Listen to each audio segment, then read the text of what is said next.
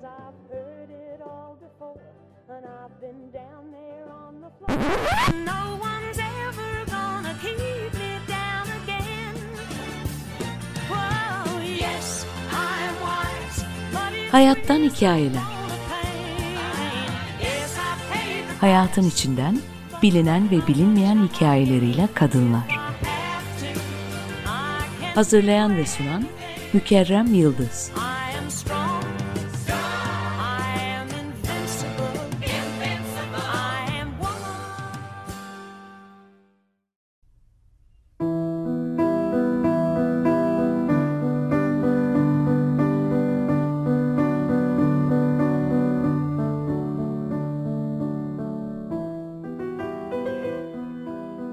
Küçük çocuk büyüdüğünde düşlerinde gördüğü geçmişi nakşettiği zihninden imbik imbik süzerken fark etti olanı biteni. Kendine dert edindi. Aslında dert değil dava edindi. Amacı bildi çocukların haklarını, yaşadıklarını ve varoluşlarını. Çocuk işte diyerek geçmedi. Düşündü, taşındı. Ne yapabilirdi?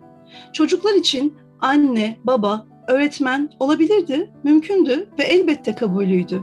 Farkındalıkla bakmak, yanlışı görmek, eksiği gidermek için düştü yollara.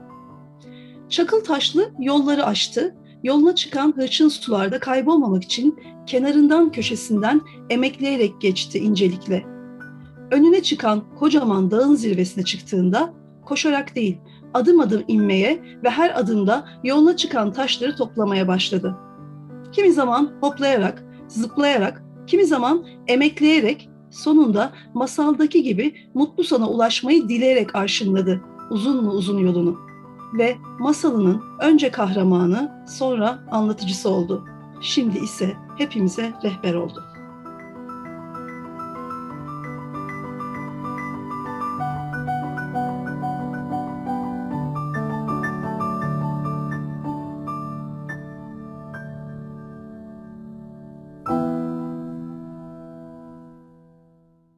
Hayattan Hikayelerin yeni bölümüyle karşınızdayız. Ben Mükerrem Yıldız. Bu haftaki konuğum sevgili Ezgi Koman. Ezgi'nin hikayesi çocuklarla başlıyor. Hayatın hikayesinin teması çocuk. Ezgi Hayattan Hikayeler hoş geldin. Hoş bulduk. Çok teşekkür ederim ben davetiniz için. Seninle ilgili kaleme aldıklarım umarım seni az da olsa yansıtmıştır. Ya evet, çok da etkileyiciydi hakikaten. Ağzına sağlık, gönlüne sağlık. Şimdi Ezgi Koman programa gelince elbette hikayesinin teması çocuklar dedim. Ve elbette çocuk haklarını konuşacağız. Ama önce şuna değinmek istiyorum. Hacettepe Üniversitesi Çocuk Gelişimi mezunusun.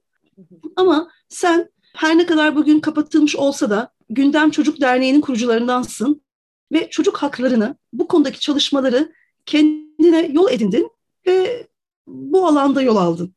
Merak ediyorum Ezgi bu konuyu nasıl dert edindin de sahiplendin, bu yola nasıl girdin? Çocuk gelişimciliği aslında hep bildiğimiz gibi işte böyle özel eğitim merkezlerinde işte kreşler, ana sınıfları vesaire hep böyle eğitim alanındaymış gibi görünüyor ama değil aslında. Bir yandan tam mesleğimi yapıyorum ama öte yandan da bu mesleği seçmemin belki bir yolu vardı. Ya ben çocukluğumdan beri aslında çocuklarla ilgileniyorum. Bu çok enteresan geliyor bazen bana da.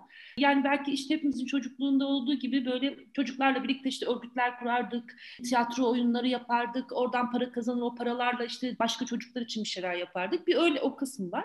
Ama e, düşününce bu soruyu böyle bir kere daha hani e, düşündüğümde sorduğumda aslında annem annem öğretmen benim e, ve o da çok böyle hani rastlantısal olarak hep köy okullarında vesaire de çalışmıştı. Ve sürekli onunla birlikteydim ben. E, Çünkü okula gitmediğim zamanlarda. Ve o oradan böyle bir çocuklar meselesi zaten her zaman gündemimizdeydi.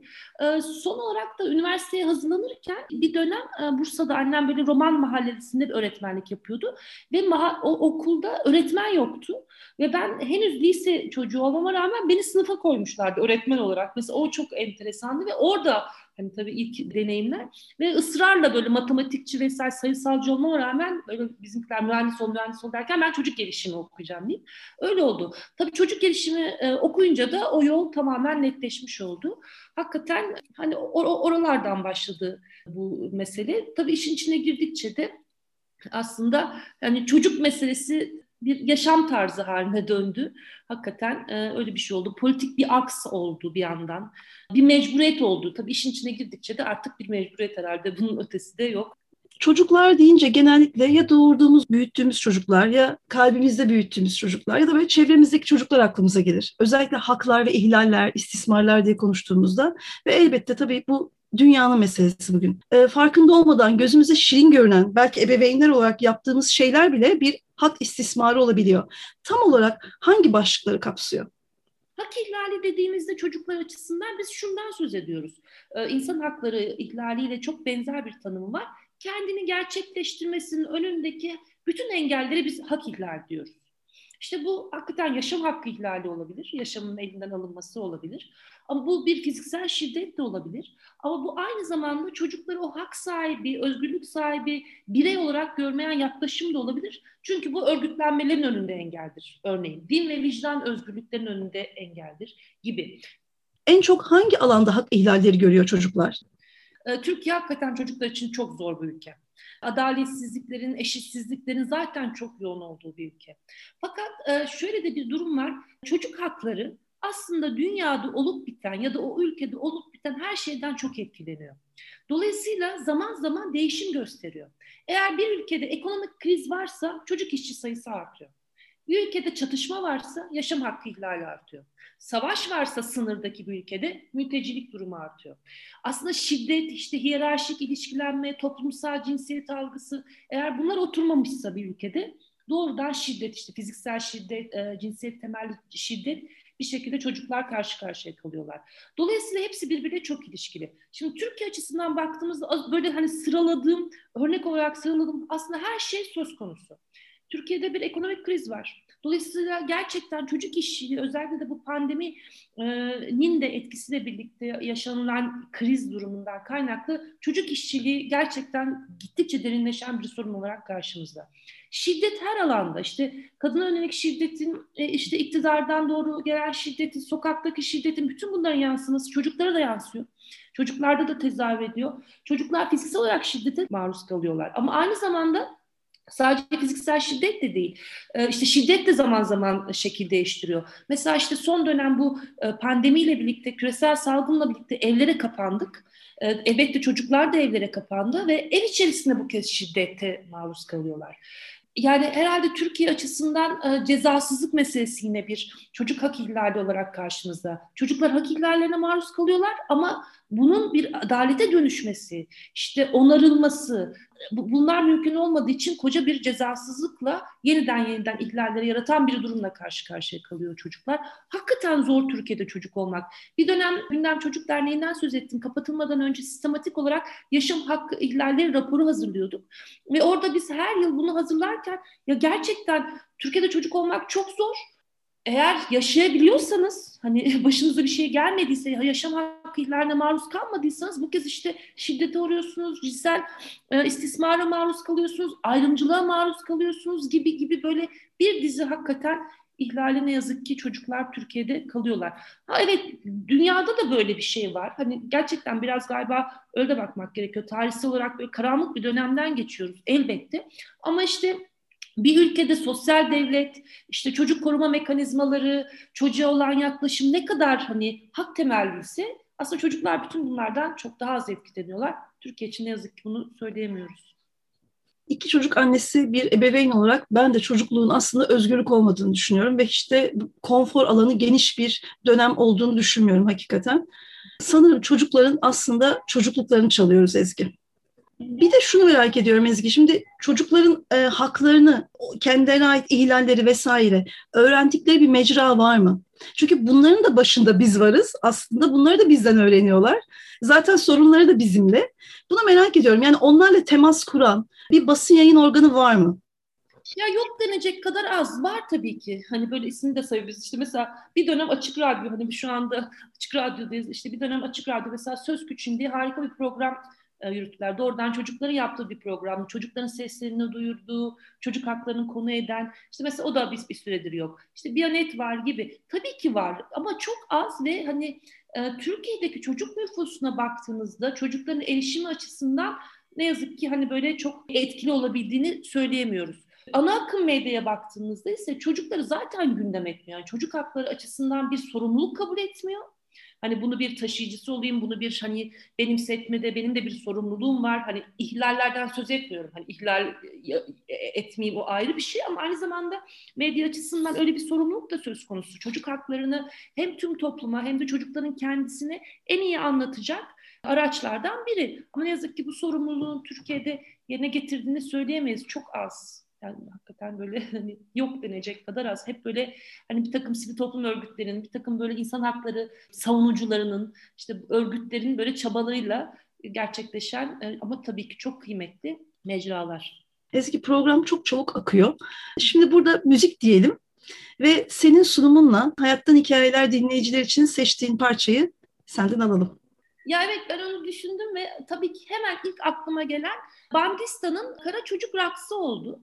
Çünkü e, bu şarkı Gündem Çocuk Derneği'nin aslında bir şarkısı. Yani biz kendimizi onu böyle şiar edinmiştik. Kara çocuk, bunu bütün dünyanın kara çocuklarına böyle selam olsun diye.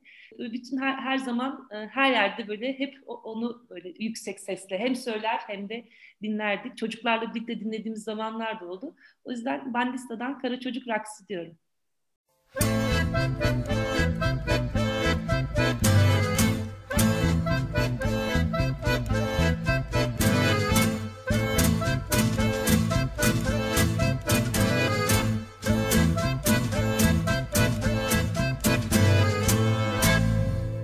Nice nice yollar boyunca.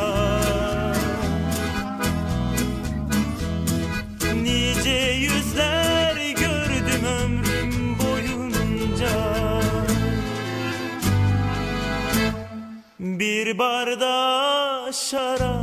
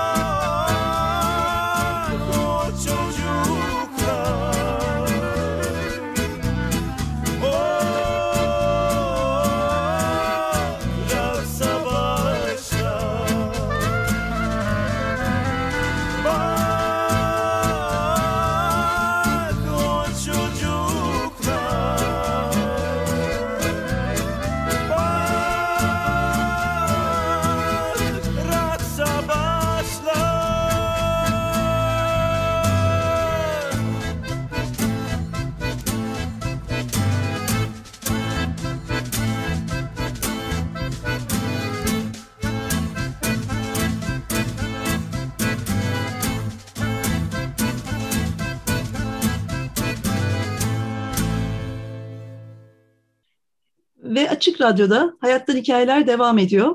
Ben Mükerrem Yıldız, konuğum çocuk hakları alanındaki çalışmalarıyla tanıdığımız sevgili Ezgi Koma.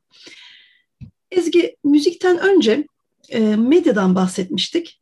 Çocuklarla onların haklarını anlatan, onların temas kurabileceği basın yayın organlarının azlığına değinmiştik. Çocuklar medyada e, genellikle hangi konularla ilgili yer alıyorlar? Merak ediyorum gerçekten. Basın ne zaman çocuklara dikkat kesiliyor? Ya şöyle bir şey var. Ee, Aslında basın galiba toplumun e, bir yansıması. Ee, Yani bizim algımızın da bir yansıması. Ya bu so- sorduğun sorunun yanıtı e, medyanın çocuk algısını çok iyi gösteriyor. Medyada da tıpkı toplumda olduğu gibi çocuklar ya hiç yoklar. İşte nüfusla oranladığınızda böyle bir takım yapılmış araştırmalar var ve çok enteresan bir şekilde bu araştırmalar çok uzun yıllardır. Yani işte 80'lerde yapılan araştırmalar da var, 2000'li yıllarda yapılmış araştırmalar da var ve hala neredeyse o oran değişmiyor. İşte ve tuhaf bir kısmı da hem İngiltere'de yapılan araştırmalarda benzer oranları gösteriyor, Türkiye'dekilerde. Türk nüfusun e, neredeyse hani toplamda işte Türkiye açısından baktığımızda yüzde otuzuna yakın çocuk nüfusu var, nüfusun oranı. Fakat medyadaki yer alma e, oranına baktığınızda yüzde üçü geçmiyor. Çok acayip. Yani e, dolayısıyla aslında çocuklar yoklar e, medyada. Ha işte senin de sözünü ettiğin haberlerde eğer varsa da o yüzde üçlük kesimde de oranda da çocuklar e, bir kere hep böyle olağanüstü bir takım olaylardan kaynaklı varlar. Başlarına hep kötü bir şey geldiğinde varlar. Evet tabii ki önemli ihlallerin görünür kılınması, onların haber yapılması, haber takipleri, adalet mücadelesi için çok önemli. Ee, Ama sadece çocukları böyle işte başına kötü bir şey geldiğinde ve hunharca hani kötü de kötü olması yetmiyor. Bizim için bir çocuğun herhangi bir şekilde şiddete maruz kalması sözel olarak çok korkunç bir şeyken bunun bir haber değeri yok ama işte hunharca işlenmiş bir çocuk cinayeti günlerce böyle televizyonlarda e, ve işte diğer basında yer alabiliyor ama bir işe yaramıyor. Hakikaten bir işe yaramıyor. Ne toplumda hani bu bir eyleme, bir harekete dönüşüyor, bir dönüşüme sebep oluyor. Sadece işte böyle bir nesneleştirilen bir şey var. İşte e, tirajları arttırmak için, izleyiciyi arttırmak için, işte son dönem sosyal medya üzerinden baktığımızda takipçiyi arttırmak için hep nesneleşen bir durum var. Bunun da sebebi şu aslına bakarsan. ım, Çocuklar e, böyle hani bizim için böyle korunmasız, masum, güçsüz varlıklar olarak algıladığımız için onların e, başına gelen her şeyde ajite oluyoruz.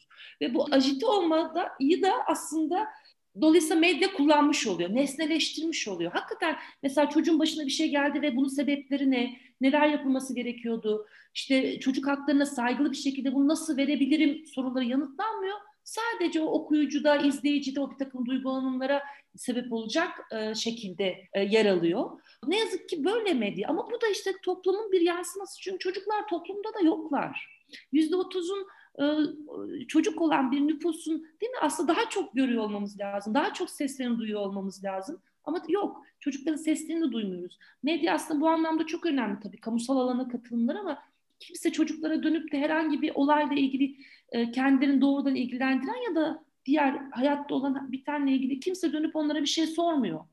Hiç kimse bir şey, çocukların seslerini duymuyoruz medyada. İşte ancak haber nesnesi olarak karşımıza çıkıyorlar. Aslında Ezgi hakikaten çocuk kelimesini hem biçim hem de içerik olarak yanlış algılıyoruz. Sıkıntılı bir algılama durumumuz var ve bu bence hangi sosyal kültürel seviyede olursa olsun ailelerde de aynı şekilde devam ediyor. Yani ebeveynlerde de aynı durum söz konusu. Sen konuşurken şunu düşündüm. Mesela çocuklara saygı dedin. Bizim kuşağın çocuklarında bizlerde saygı ve biz korkuyu iç içe öğrenerek büyüdüğümüz için oradaki saygı aslında bizim için korku dolu bir saygıydı. Ve ben şunu gözlemliyorum kendim de dahil benim dönemime ait böyle çocuk sahibi olan ailelerde genellikle biz de biraz bunu kıracağız endişesiyle ya da daha özgüvenli çocuklar yetiştireceğiz endişesiyle böyle çocukları kurstan kursa koşturan ebeveynden ziyade veli haline geldik ve seni dinledikçe ne kadar bilinçliyiz diye hakikaten böyle zihnimde deli sorular oluşmaya başladı. Çünkü sana sormayı düşünmüştüm. Yani yüzde otuzunun çocuk olup da e, hiç ya da çok az yansıyor olması basına ki yansıdığı konular da belli. Korkunç bir durum gerçekten. Çok enteresan. Peki bir şey sormak istiyorum. Bu konuda ailelerle çalışmaların var mı? Zaman zaman ebeveynlerle bir araya geliyoruz. Ya bir kere şunu ya unutmamamız gerekiyor. Gerçekten yaşadığımız o hani tarihsel süreçten hiçbirimiz muaf değiliz. E, çocukların e, maruz kaldığı her şeye bir yandan ebeveynler de maruz kalıyorlar. Ebeveynler de kendilerini gerçekleştirme telaşındalar. Ebeveynler de özne olma telaşındalar. Fakat tek fark şu, e, yetişkinlerin kurguladığı bir dünyada elbette ki onların kendi araçlarını üretme şansları var. Çocukların böyle bir şansları yok. Ve kötü olan bir şey işte ebeveynler açısından çocuklarını kendini gerçekleştirmek için bir araç olarak kullanabiliyorlar. Ya bunu tabii ki işte hani dedin ya ihlaller bazen çok şirin, hoşumuza gidiyormuş gibi bir takım hani hoşumuza giden bizi böyle duygusal olarak okşayan e, durumlar olabiliyor ama işte bunlar e, daha çok ebeveynler tarafından da gerçekleştiriliyor. Ama aslında biz orada hak ihlali yapıyor olabiliriz. Bir kere ebeveynlerin temel bir durumu var ki kendilerinden bağımsız bireyler olarak görmüyorlar çocukları hep kendilerinin bir parçası olarak görüyorlar. Sahip oldukları varlıklar olarak görünüyor. Dolayısıyla onlar üzerinde hak sahibi olduklarını düşünüyorlar. Elbette ki işte onların böyle hani e, iyi eğitim alması, akademik olarak başarılı olması vesaire tabii ki çok önemsiyorlar. Hiç bunu şey yapmıyorum, göz ardı etmiyorum. İşte sözünü ettiğim kurslar vesaire onun şeyi ama bir yandan da o kadar kendilerine ait ki hani kendinin bir parçası uzuvları olarak görüyorlar. Ya bunun en büyük yansıması eminim fark edeceksinizdir. Ebeveyn böyle Facebook ve diğer sosyal medya sayfalarında anneler, babalar ya da işte diğer bakım verenler hep şey derler işte karnemizi aldık.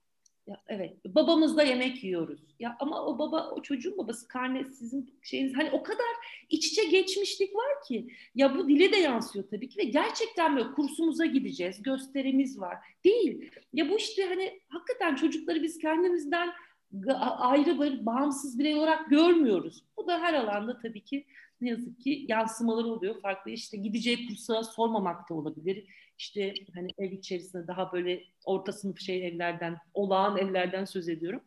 İşte gidecek sormamak da olabilir. Giysisiyle ilgili karar verme sürecinde de olabilir. Ya da işte fotoğraflarını izinsiz kullanmak da olabilir.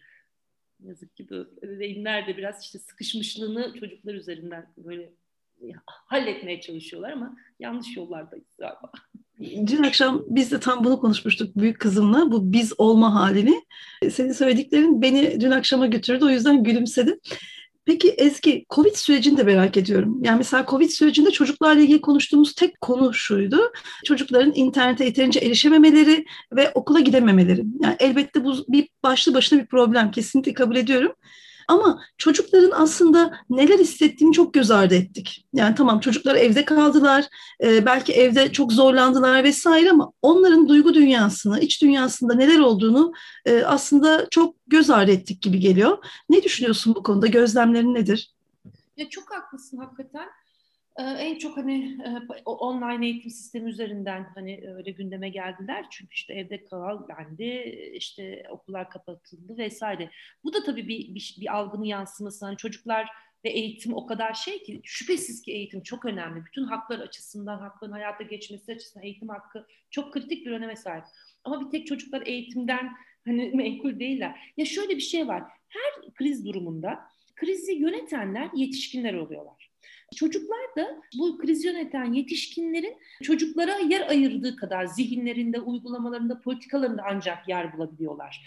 Bunun ötesine bir şey geçmiyor. Kimse çocuklara dönüp de o kriz döneminde ya siz ne yaşıyorsunuz?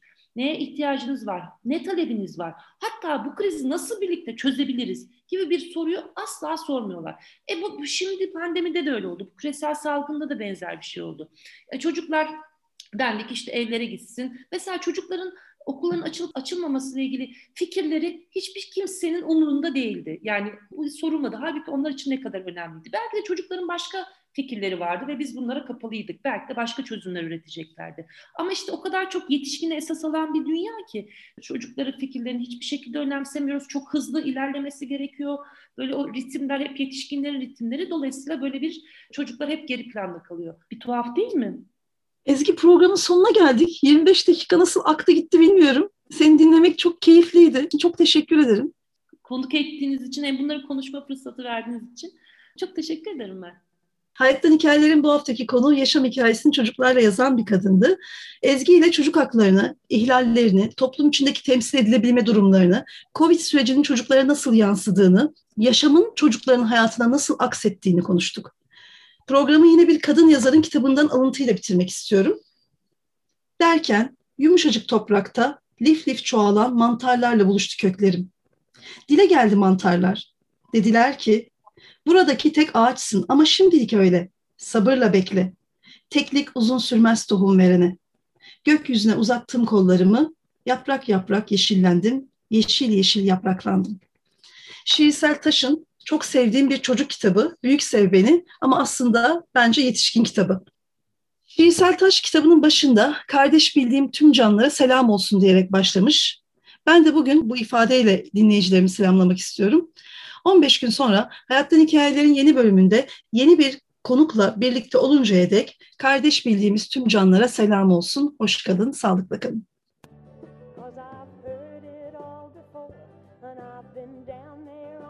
No one's ever gonna keep me down again. Whoa, yes, I'm wise, but it's Hayattan hikayeler. Hayatın içinden bilinen ve bilinmeyen hikayeleriyle kadınlar. Hazırlayan ve sunan Mükerrem Yıldız.